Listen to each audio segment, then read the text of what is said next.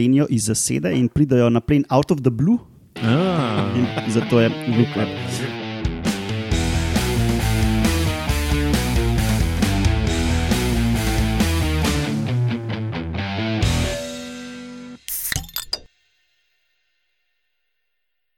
Lepo zdrav, poslušate 191. oddajo Metamorfoza, podcast o biologiji organizmov, ki vam jo vedno predstavljamo skozi lahkoten pogovor o pivu. Jaz sem Matjaš Gregorič in danes so z mano prikrita zasednica Urša Fležar, Čuva. sintetični muzikant Roman Luštrik Sorry, ne, to je interna fora, uh, živijo. in jadrajoči sprehajalec Laura Rozman. Živijo. Zdravo, folk. Okay. Dolgo nas že ni bilo, uh, fajn, da smo se spet dobili, malo smo bili bolani in tako. Um, Čas kislih kumarc pri nas je drugačen kot eh, pri politiki. Recimo, a ne? Uh, teda, upal sem, da, da bi se uspeli prej dobiti, pa se nismo, ne, ker namreč to, kar zdaj snemamo, je prva oddaja v osmem letu snemanja tega Uh. podcasta. ne. Teda, evo, upam, da nam bo zdravje služilo od zdaj naprej in da bomo malo nadoknadili, kar smo zamudili v preteklem mesecu. Danes sorazmerno redna oddaja na sporedu, ker imamo pa. Uh, Vsi štirje bomo govorili danes v tej oddaji. Imamo dve novici. Prva o tem, o, o novih opažanjih enega zanimivega plenjenja neke rakovice, in potem druga novica je nekaj o oboroževalni tekmi med plenilci in plenom, oziroma možgani proti kamuflaži. In potem, kdo to tam poje, se pravi, v, pred enim mesecem približno v oddaji smo špijali en zvok, in potem še vaški posebnež potujoči močerat. Ja, uh, sicer pa podcast ima svojo spletno bazno postavljeno na medijski me mreži Metina Lista, vse druge admin zadeve, kontaktne podatke in podobno na koncu oddaje. Ja, povemo še, kdaj to snemamo, ne? preden zagrizemo to oddajo.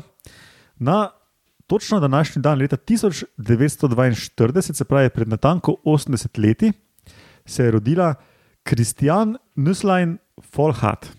Sicer nemška molekularna biologinja, ki je imela prebojne raziskave na področju genetike razvoja embrija in je tudi uh, dobila za to Nobelovo nagrado. Uh, ja, Roman, ti si tako nekaj uh, navihano pogledoval. ja, jaz sem pa danes tak. Um, leta da, da, da, da, 1713 je uh, Karel VI, cesar svetega rimskega cesarstva, izdal um, sankcijo, uh, pragmatiše sankcion ali pa sankcijo pragmatika za une, ki ste bolj klasično izobraženi. Kaj je to? Uh, to, je bila, to je bila ena izjava, ki je uh, zagotovila, da bi lahko prestol podedovala njegova hči. In to uh, par let kasneje, a ne, 1740, uh, Francija, Prusija, Bavarska in Saksonija niso hotele uh, spoštovati tega dogovora. In če se vam zdi, da je to plotline od House of Dragons, se ne motite. Cool. A klej poseben zato, ker je hotel hčeri, pa ne sinu. Ja, v House of Dragon je to cel plot za rune, ki še niste gledali. Tako da spoiler alert. Ja. Ne, se, ja, se to ni spoiler. alert, ne. Pa še en, še, uh, danes je umrl, na današnji dan je umrl leta 1987.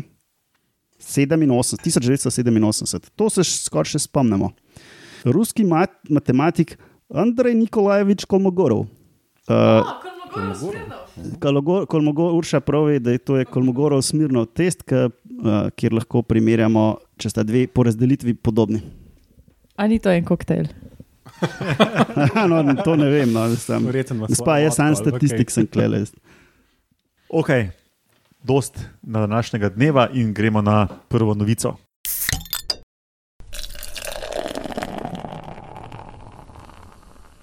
Za me je bila največja novica te novice to, da obstajajo tudi rakovice, ki so popolnoma podvodne. ne. Imamo očitno vodne, ja, Roman nisem vedela. Jaz sem mislila, da so vse rakovice tiste doživke varianta, se pravi, da so v, v tistem pasu bibavice, ne, se pravi, plima vseka. No, ampak zdaj vem. Pa ne vem, ali so pred nas tudi kakšne take vrste, ampak zdaj vem, da saj v Ameriki oziroma vzdolž te Atlantske obale pa živijo tudi uh, blue crab po angliško oziroma modre rakovice, ne, če bi to pre, prevedali, ki večino svojega življenja preživijo v vodi. Uh, sicer v tem obalnem pasu, ne, pravijo tam do 91 metrov proti, proti globini, ne, v teh travnikih, pa med skalami. No, če si predstavljate, ne, pač, um, ta bolj plito del morja. Čisto sam za uvod. Um, no, ampak sem že rekla, da so vodni. Glih ta novica, o kateri bom danes govorila, ugotovi, da pa niso čist popolnoma vodni. Zdaj so mislili, da se pač res prehranjujejo samo v, v morju, uh, se pravi, da plenijo kakšne te nevratenčarje med uh, temi morskimi travniki ali pa okoli skal, školke in tako naprej. No, da so pa ugotovili, ker so jih opazovali, da tudi v tem um, delu, v bistvu teh uh, solin, no, oziroma kako, kako se temu, bolj te zamočvirjeni deli, no, ki so bolj slani, ko v bistvu ostane ta mulj, ki se morja umakne ne, z, z oseko. Se tudi te raki znajo zadržati v enih takih bazenčkih, ki si jih v, v Milki naredijo in tam prežijo na svoj plen. Ta plen so pa druge rakovice, uh, ki sem pa bila razočarana nad slovenskim prevodom, fiddler crab, se reče po angliško. Fiddler so, a to moji, moji sovoditelji poznate to besedo. Kaj še? Štrkava rakovica. No, to bi bil boljši prevod, bolj tak zanimiv. Mislim, tudi rak mahač je kar ok. To so, ja, une, to so, ja, to so une ma, manjše rakovice, samo en kleš, tako ful povečan. In ja, ga uporabljajo za dvor, dvorjenje samicam ali pa za medsebojno komunikacijo, v bistvu taki italijani med rakovicami. Ne, vidi, vidi, vidi, s to, s to uh, kleščo. Ne uganem neki z violinom, so dal noter. Ne, ne. Raki sam... mahači, se je rekla. Ja, ja, okay prvi opazovalci teh rakov so bili pač ljudje, ki se jim je zdelo, da, da bojo to kleščo zaigrali na violino. No, pa mi bomo zdaj pravili štrkavi raki. Ne? Štrkavi raki, ja. Skratka, štrkavi raki so ene pet centimetrov velike rakovice, ki so plen tem modrim rakovicam, ki so pa tja do 23 centimetrov trup velik zrastene. By the way, so tudi fulokusni in pa je. Ne, in, ja. ja, so zelo tudi, uh, v bistvu podlegajo temu prelovu ki jih zelo lovijo za prehrano. Um, tako da so zelo, taka, recimo, da dobro poznana vrsta no, za prehrano človeka. Tudi. No, ampak bistvo te naše novice je pa to, da so jih zdaj opazovali tudi, da znajo loviti v zasedi, praktično na kopnem, uh, kar je čist nekaj novega. In uh, sicer se ful dobro skrijejo, že tako so tako modrikasto, valjda blue crabs, ne, se pravi modrikasto sive barve, zelo se fino zakopljajo v blato in samo učke in ven gledajo in pa sam čakajo, ne, da te uh, raki, kaj že si rekel? Štrkavi. Štrkavi raki pridejo mimo in hopa. In zanimivo, sploh ne pojejo tiste ene velike klešče, ampak je ponovadi pustijo na robu tega svojega bazenčka. Ne. Tako da na tak način so tudi videli, kje so te luknje ki jih tudi sami ti modri raki skopljajo, oziroma rakovice skopljajo. In pa so se fully poglobili v to temo. Uh, poglobili. No, ugotovili so, da fully rajš kopljajo te svoje bazenčke v delih teh um, slanih, uh, recimo, da šta za močveren del, ki se mora umika, pa tako v bistvu zaliva. Uh, skratka, rajš so te uh, prežali in kopali te svoje lukance oziroma jamice na uh, površinah, ki so bile že prej popašene strani še enih tretjih rakovic. kar nekaj. Mislim, kar nekaj. Pač taka zanimiva ekosistemska. Um, ek... Kakšna navezava. Tle, navezava, ja. Ja, ja. In uh, pač očitno jim bolj paša, ker že tam vse spuca, ne, da fulaži skopljajo v jamico in pol iz njih prežijo. In iz nekega razloga je tudi tam več teh. Um, Rakov mahačev. Ja, morda je jo uneta tretje. Mogoče ne, ne načeloma so dosta vegetarijanci, ti mahači. Ja. No, tako da to je bilo ful, uh, ful neki noga. No, pa tudi sprašvali so se, pa kaj zdaj, niso nek lahek plen za une ptiče, ki pobirajo te rake po obali, ampak ne, pa jaz se ga lebi, kar mim njih sprehodijo, ki jih sploh niso zaznali, ker so dobro kamuflirani. Nisem, ker mi ni zlodal, ker so imeli tehnične težave, no rečemo temu tako. No, jaz njih uh, bomo dali link v zapiske. In res uh, v teh lužicah, ko se malo tako zakopljajo tisto blato, ne, uh, če veš, kje je tako zelo malo mi, človek vidiš obris. Ful so, ful so dobro skriti in pol se kot, meni so kot eni mali krokodilčki, so me spominjali, ko se potem požene, v bistvu ven izlužena kopno za tisto štrkavo rakovico. Mm. kot krokodili na une gnuje. Ne? Ja, ja, Ja, prav vse tako, ja. primerjavo, da je tudi te avtorje tega prispevka.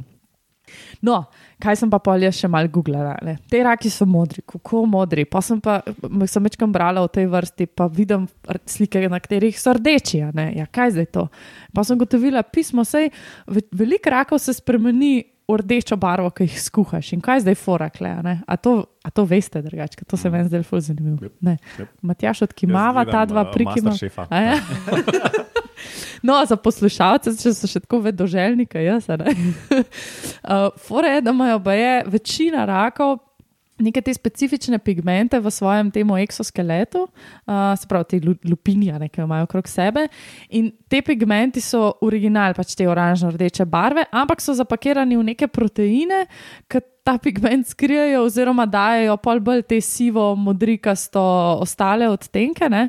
In ta protein, ki ta pigment uh, pakira, je tisti, ki se razgradi ob višji temperaturi ali pa recimo ob nekih želočnih kislinah, če se taka žival poje cela. Ne? In uh, zaradi tega pač rak spremeni barvo, ker ga pač daš izpostaviš visokim temperaturam. Aha, ti si to videla, kuhane te in so bile rdeče, te rakovice, Ja. ne v naravi rdeče. Ja, ja, Aha, kuhane. aha, pač, aha. a Veš, poguglaš vrsto, pa dobiš svašta. ne. Dobiš na krožnik blue crab, pa je rdeče. Pa je rdeča barva, Ja, samo to mi ni bilo jasno, ne, kako je zdaj to blue crab. Ne, jaz, uh, moje mnenje, a ne, zakaj rečejo Blue Crab, ne, in moje mnenje in je dejstvo, uh, je, ker so Blue Crabs in plenijo iz zasede in pridajo na plen out of the blue, in zato je. Roman, lep. Uh, pa fid, Fidel, mislim, da je gosli, gosli da se reče. Je, tako da bi bili goslači mogoče. Na, tudi lepa. Tako, goslač, to že cel popoldan premišljujem o tej slovenski Ja. besedi, Google je ni znal prevesti. Uh, ja, tako da je tale, tale njihova uh, spremenjujoča se barva je kar, kar zanimiva stvar. No, so pa dejansko roman, sorry, ampak so dejansko modre barve, tako da poglej si fotke, ko niso kuhani. In pa sem tudi ugotovila, ne, zaradi tega se reče, da si rdeč kot kuhan rak, ko zardiš. Mm. Ja.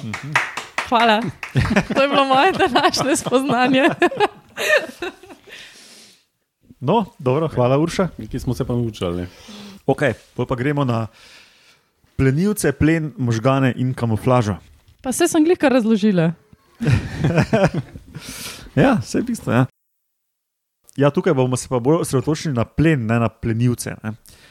Najprej povemo čisto hitro, kaj je oboroževalna tekma. Ne. To je plen, plenilec, oboroževalna tekma je taki klasičen primer, ko v evoluciji plen in plenilec v bistvu skupaj evoluirata in se prilagajata en na drugega, sem in tja. Ne. Plen vedno boljši v ubežanju plenilcu in obratno plenilec vedno boljši plenu. A ni to po angliščini tudi Red Riding Hood? Um, Uh, Arms Race je ja. Ja. po angliško, ampak uh, je pa Red Queen Hypothesis. ah, Red Queen, ja, ja, točno, iz, točno. iz Alice in Wonderland, ker oni dve laufata. Ne? In bolj ko laufaš, bolj si na istem mestu, bolj se hitro vrti tebi ona tla. Ne? Se pravi, ja, ta obroževalna tekma se vedno poteka, ampak sta ta dva v dinamičnem ravnotežju kao in se nikam ne premakneta ne? v tem smislu. To je drugače bila moja najljubša tema, ki sem študirala. In me ful žalosti, da sem pozabila, kako se reče po angliško. No. Okay, no in take oboroževalne tekme med plenom in plenilcem v evoluciji prinesejo mnoge protiplenilske strategije pri plenu. Ne. To je lahko recimo trd oklep, uh, učinkovito bežanje, ne, posebno skakanje, karkoli. Ne. Um, neokusnost, strupenost, mimikrija, se pravi, da ti oponašaš kakšno strupeno žival, pa sploh nisi strupen, kriptičnost, da se zliješ z ozadjem in podobno. No, in dosti živali ima več od teh strategij hkrati. No, ampak dosti so si te strategije delujejo ena proti drugi. Ne? Recimo, če imaš ti full uh, trd, težki oklep, boš mogoče malo teže zbežal, odskočil, kakorkoli. Ne? No, in temu rečemo, temu kompromisu, ne, v katerem so vsi neke take stvari, rečemo trade-off. No, in take trade-offe so kar dobro raziskani, kar se tiče telesne zgradbe ali pa vedenja. Niso pa kaj dosti tega gledali v povezavi z možgani, s kognitivnimi sposobnostmi in tako.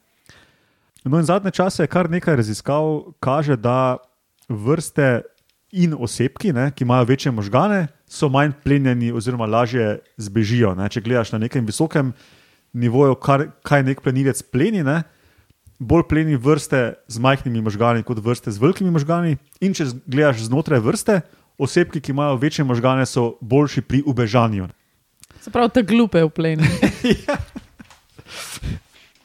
No, in torej lahko bi rekli, da nekako možgani so dobri za zbežati plenilcu, ampak možgani so potratni. Uh, se pravi, kaj to pomeni za vrste, ki, ima, ki imajo različno dosti plenilcev? Ne? In tukaj stopi v igro ta nova raziskava na žabah. In zastavili so si hipotezo, da, da je velikost možganov v nekem kompromisu z kriptičnostjo. Ne? Žabe se doskrat skrivajo tako, da da so podobne svoji, svoji okolici, ne, da so recimo zelene kot nek list, pa če pijo na listu, nekatere pa niso. Ne. No, in so pri 102 vrstah žab pomerili um, raven te kriptičnosti, ne, kar so tako gledali zelo pedantno z spektrofotometri, pa modelirali, kako uh, vidijo njihovi potencijalni plenilci, ki so večinoma kače in kuščari in tako, ne. pa tudi ptiči, pa so to nekaj. No, skratka, gledali so to kriptičnost, pa velikost možganov, telesno velikost, eh, pa kak mišičaste noge imajo. In so pogruntali, da višja, ko je predacija, ne, več plenilcev, ko ima vrsta, manjše so žabe, manj mišičaste noge imajo, manjše možgane imajo in bolj so kriptične. Z drugimi besedami to pomeni, da ko ima ena vrsta malo plenilcev, je očitno boljša strategija, da ti plenilcu ubežiš ta taktika, da si pameten. Ne? Pač prepoznaš, uh, kdo je plenilec, kak nevaren ti je, glede na vem, razdaljo, recimo, ali pa tip plenilca, in pač odskočiš, zbežiš kakorkoli. Ne?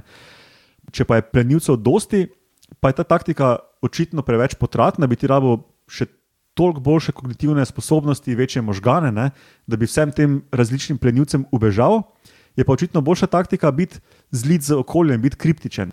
In uh, takrat tudi ne rabiš velikih možganov, in takšne vrste imajo manjše možgane in manj močne noge, ker ne rabijo toliko krat ubežati ne, in prišparajo energijo na ta način. Ne. Uh, ja. Ok, ki smo ostali zdaj, ko je Urša dobila vmes idejo in si mogla zapisati, in smo prekinili snemanje. Skratka, ja, hotel sem reči, to je prva taka študija, ki je um, v tej luči oboroževalnih tekem pogledala eksperimentalne podatke o velikosti možganov in kogniciji, ne, in, uh, kar je interesantno. No. Ja. Vsaj Urši je očitno zanimivo. Ne, glede na Meni to. je super. Sam Urša si zapiske delala. Ja.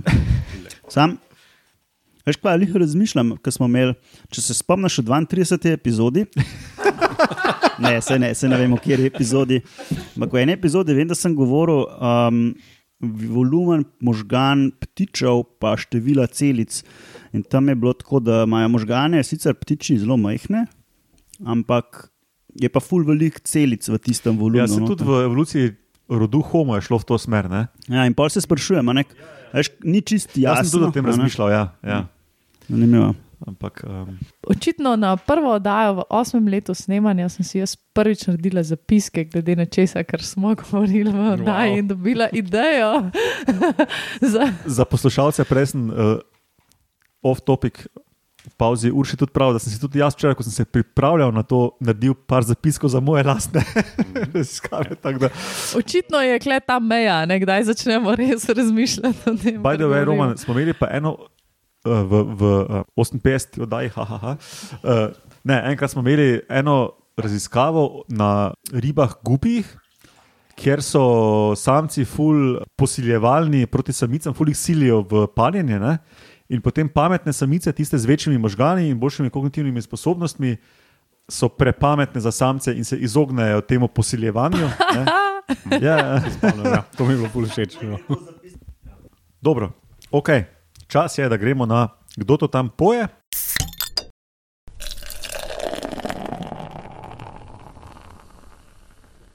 Okay, v 189. oddaji smo špijali ta zvok. Tač. Aha. Kaj Urša prav teč. A, Lo- Sej, Dobro, mislim, prav. sem vas že spraševal po sleku, ker sem to dal takrat noter po snemanju, ker sem na snemanju ja. pozabil to. um, Pa mislim, da ste se o nekih ptičih strinjali, čeprav sem vas, sem jaz bil ziger, da boste tukaj slišali kobilice in čuričke in ne vem kaj. Ja, to je bila rezervna Ja, uh, uh, uh, hipoteza. No, Roman, povej, kaj je to. Ja, zdaj, ki vem, kaj to je, ne bi ugibal uh, ne, ne uh, iskreno, da gre to za en zvok iz Mario Brothersov. In zares se ne bi fulmoto. Zato, ker veliko let nazaj so eni um, spodobni beli gospodje hodili po Indiji in pobirali insekte in jih tlačili v neke živalske herbarije in to pošiljali v rodno državo London.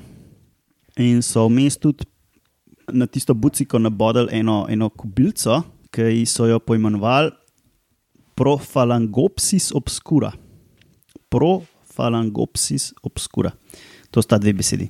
Eh, Seveda, ker je bilo to 150 let nazaj in od takrat teh kubilc skoraj niso videli, razen dve samici leta 2005. Noč ne vejo, kje je, a izumrla, noč se ne ve praktično. Ne? Imajo opis tega samca, to je pa skoraj to. Ker tiste dve samici se ne ve, če sta točno ta vrsta ali ne. Lahko bi bila. Ja, ker uh, samec je opisan na podlagi nekih morfoloških znakov. Ne? To, in to je to. Ja. Če takrat niso imeli samice na voljo ob njem, je težko Ja. vedeti, ali je to res to. Ja. No, in jaz sem to prevezdu, prevedel, da je to pronožni skritež. Ja, obskura. Zdaj, mogoče mogo reči, da je ženska, ki je kubilca, ampak. Ne, Vse, vse. Pronožni skritež. Okay. No, in pri kubilcah je pa ta hudiča, ne, da je zvok, ki ga producirajo, zelo pomemben znak za prepoznavanje med vrstami. In so tega bozga samca, 150 let starega, pod eno napravo dal, ker ne vem, točno, nisem šel raziskovati točno, kako deluje. Ampak v bistvu so, mislim, da poskenirali površino teh njegovih kril. In zakaj kril? Zato, ker kubilce zvok producirajo tako, da tako krila skup mancajo, na enem delu krila imajo neko tako, tako trda opna, ki ima nekaj gor, pač neko strukturo, na drugem ima pa takrat neko tako, mm, kam je tisto, ki po goslih. Uh, Lok. lok. Ne? V glavnem, in ko to drgnejo skupaj, pač producira nek značilen zvok, in glede na vrste, ki jih poznamo danes, a, pa glede na razdalje teh različnih struktur, pa še enih drugih stvari, so računalniško rekonstruirali zvok, ki smo ga prej slišali. In to je eden od možnih interpretacij, kako bi se ta žival potencialno lahko oglašala. Zakaj so to naredili? To se tudi sem jaz sprašval. Um, Drugač pa pač v tisti diskusiji nakladajo, ne, uh, da bi pač ja, lahko na podlagi tega pol tudi zdaj iskali območje, kjer se uh, bi ta kubilca lahko pojavljala. Ja, kaj pa, če bi zdaj res slišali nekaj zelo podobnega? Ne? To bi že bilo interesantno. Ne? Ja, ena opcija je bila tudi, da bi to zvočnike postavili, pa pač tako samice klicali, ne, pa, Aha. da bi videli, če bi Aha. prišle. Mm. Tako da ena stvar, ki sem tako pač um, hotel narediti, ampak nisem zato, ker sem len. Uh, je, da bi šel pogledati izvorne članke za te, to metodologijo, kako rekonstruiraš zvok na podlagi krila. Ne, ker verjetno se da preveriti, ne, če imaš ti uh, neko vrsto, ki še obstaja, pa ta krila poskeniraš, pa zračunaš, pa narediš zvok, pa primerjaš z dejanskim zvokom, ne, pač moraš zadeti. ne. To me spominja tudi na tist, uh, tiste pigmente dinozaurov, veš, ki smo v oddaji 32 a ne, uh, gledali, ki so imeli vzorc na pigmenta na dinozauru, pa so pa primerjali z znanimi vzorci na ptičih, pa so sklepali, kakšne barve bi bili. No, na tak način, približno sam z zvokom so zdaj naredili. Mi je bilo pa zanimivo, no, tam v tej diskusiji so razlagali, in to dejansko nisem vedel, to sem se pa jaz danes naučil, da imajo nekateri sorodniki teh kubilc, producirajo ultrazvočne, um, zvok v ultrazvočnem spektru, zato da zmedajo na topirje. Veš, tako kot nek svet, svetlobo produciral, zato da zamedeš nekega plenilca, ki na podlagi vida lovi. Ja, Zanj smo imeli ene um, vešeke. Tudi, tudi, Ja, veš, če to ful Aha, dela, v kateri oddaji je to? Je ne vem. Ja. A, 157. Ja. 190, roman, v prejšnji. Ja, sem to uspešno minimorfozi sem um, povedal, da je za en nov članek, ki ugotavlja, da je to odvešč, to sonično. Ta sonični Točno, motilec za netopirje je v bistvu ful razširjen. Večkrat se je pojavil v evoluciji pri veščah in vse linije ga imajo, A, imajo kak- ja, kakšno točno. vrsto, ki to imajo. In z lastnim ultrazvokom motijo od netopirjev ultrazvok. Aha, no, očitno kubilce tudi, ne? zato ker živijo recimo, na nekem takem, nekih uh, planjavah, kjer nimajo kritja in je leteti zelo nevarno. In zares rabaš orožje, oziroma neke mehanizme, da se obraniš pred potencialnimi plenilci. Glavnem, zvok katididne kobilice. No, zato sem te pa danes pojmenoval sintetični muzikant. Ja, se, se sedi- sedi za mešalko, tako da. Če kdo pa roman. Dobro, ok, hvala, Roman. Gremo še na vašega posebneža.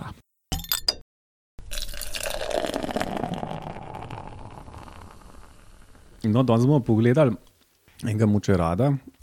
In sicer živi v Britanski Kolumbiji, v Kanadi, pa v Kaliforniji.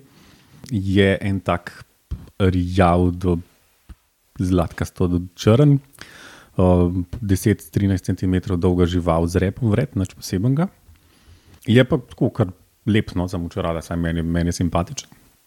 Matjaš pa dal po- posnetke v zapiske, ki so luškani. Po, posebno pri njih je to, da živijo po drevesih, pretežno, sicer kar po njih velikih drevesih, tako do 88 metrov visok. Z tega lahko sklepate, da so po njih te velikih sekvojah, kjer pač plenijo mravelce, hroščke, pršice, polže, uši, karkoli že. Zanimivi so, ker dihajo samo skozi kožo, recimo, kar pomeni, da mora imeti obvezno vlažno, pač neč nimajo nekih pljuč, pa takih stvari. Čakaj mal, a pa zgledajo kar našprote z unimi škrgami vam pa to. Ne, škrk tukaj nimajo, sam s kožo dihajo. Sem kako pa na drevesih skozi kožo. Skozi... pač mali, mali so v um, Kaliforniji polet uh, estivirajo, ne, uh, v Kanadi pa hibernirajo. Polet, ki je vroče, grejo pančati. ne. Um, zato. Spomladi se pa tudi malo razmnožijo, ker to je fajn narediti. Um, Imajo tam 6 do 8 jajc, zležejo samice in jih pač nekam, recimo, podlubje za- zaguzijo, um, pa se zležejo jajca, pač kar v močeratke, mislim, nič neke vodne larve, ni mesa, ne, tako kot se včasih to zgodi pri dvoživkah. Zabavni so pa tudi zaradi tega, ker um, včasih z dreves malo skačajo um, na druga drevesa ali pa tudi na tla. Zaradi tega, ker pač jih um, morda kakšen plenilc hoče pojesti, ali pa vem, so se nečesa prestrašili, ali pa se hočejo premakniti. In si predstavljate, da je to mogoče zajeban z unega drevesa, ne vem, nekaj deset metrov splezati na tla, pa pol, ali pa ne vem, razvejišča, pa pol na drugo vejo, če pa lahko skočiš. In oni pol medtem, ko letijo, opletajo s tistimi nogicami in repom, in v bistvu to kar dosti dobro delajo, tako da praktično jadrajo in uh, dejansko lahko, se lahko, usm, us, lahko usmerjajo svoj, svoj let, ne, ne grejo nenadzorovano kam, ampak Ni prosti pad. Ne, ni čist. Ne. Um, dejansko so jih dajali v um, vetrovnik, bi temu rekli, po naše. a ne.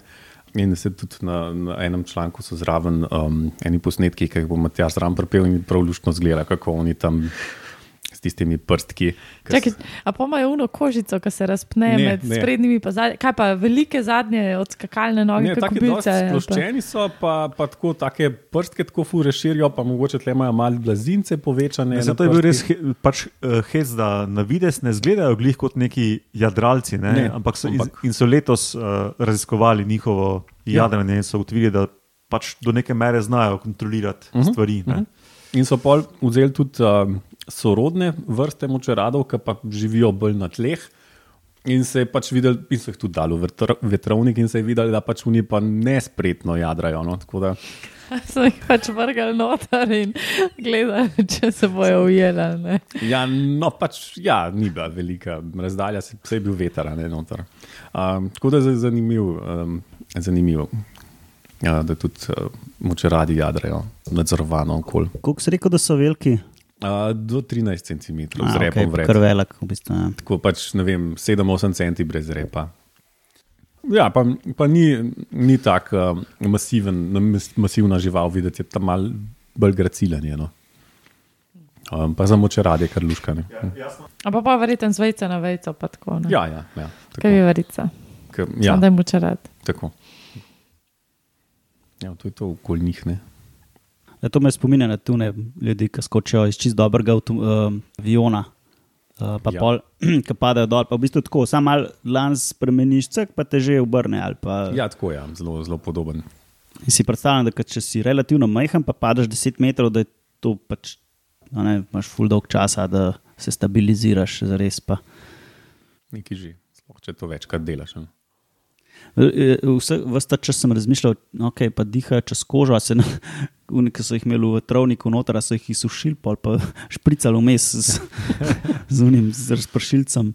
Ja, verjetno tistih par minut so zdržali. To niso poročali. Ne, drugače, verjetno jih niso vel, velike, ker so pač le ogrožene vrsta. Mislim, um, se vemo, dvoživke so. Vse vemo, zakaj, če padajo do zdaj. Dobro, ok, hvala, Lauro. In to hkrati tudi sklene to 191. oddajo Metamorfoza. Kot rečeno na začetku, spletna baza postaja, bazna postaja na medijskem mreži Metina Lista, tam je še par podcastov. Poglejte, kaj je še tam, mogoče kaj, kar vas zanima. Uh, nas lahko vse dobite na e-mailu metamorfoza.afna.metinalista.si, na Facebooku imamo page Metamorfoza, na Twitterju smo pa pod hashtag Metamorfoza in tam je Roman na Etromuno in jaz, Ed Matjaš Gregorič. Uh, ok, tako da ja, hvala vsem poslušalcem za seveda, poslušanje, komentarje, deljenje, podporo, tisti, ki to zmorete. In um, hvala vam, šti, vam trem za sodelovanje, Alenka danes ni. Ja, In se slišimo prihodnjič. pa pa. Čau.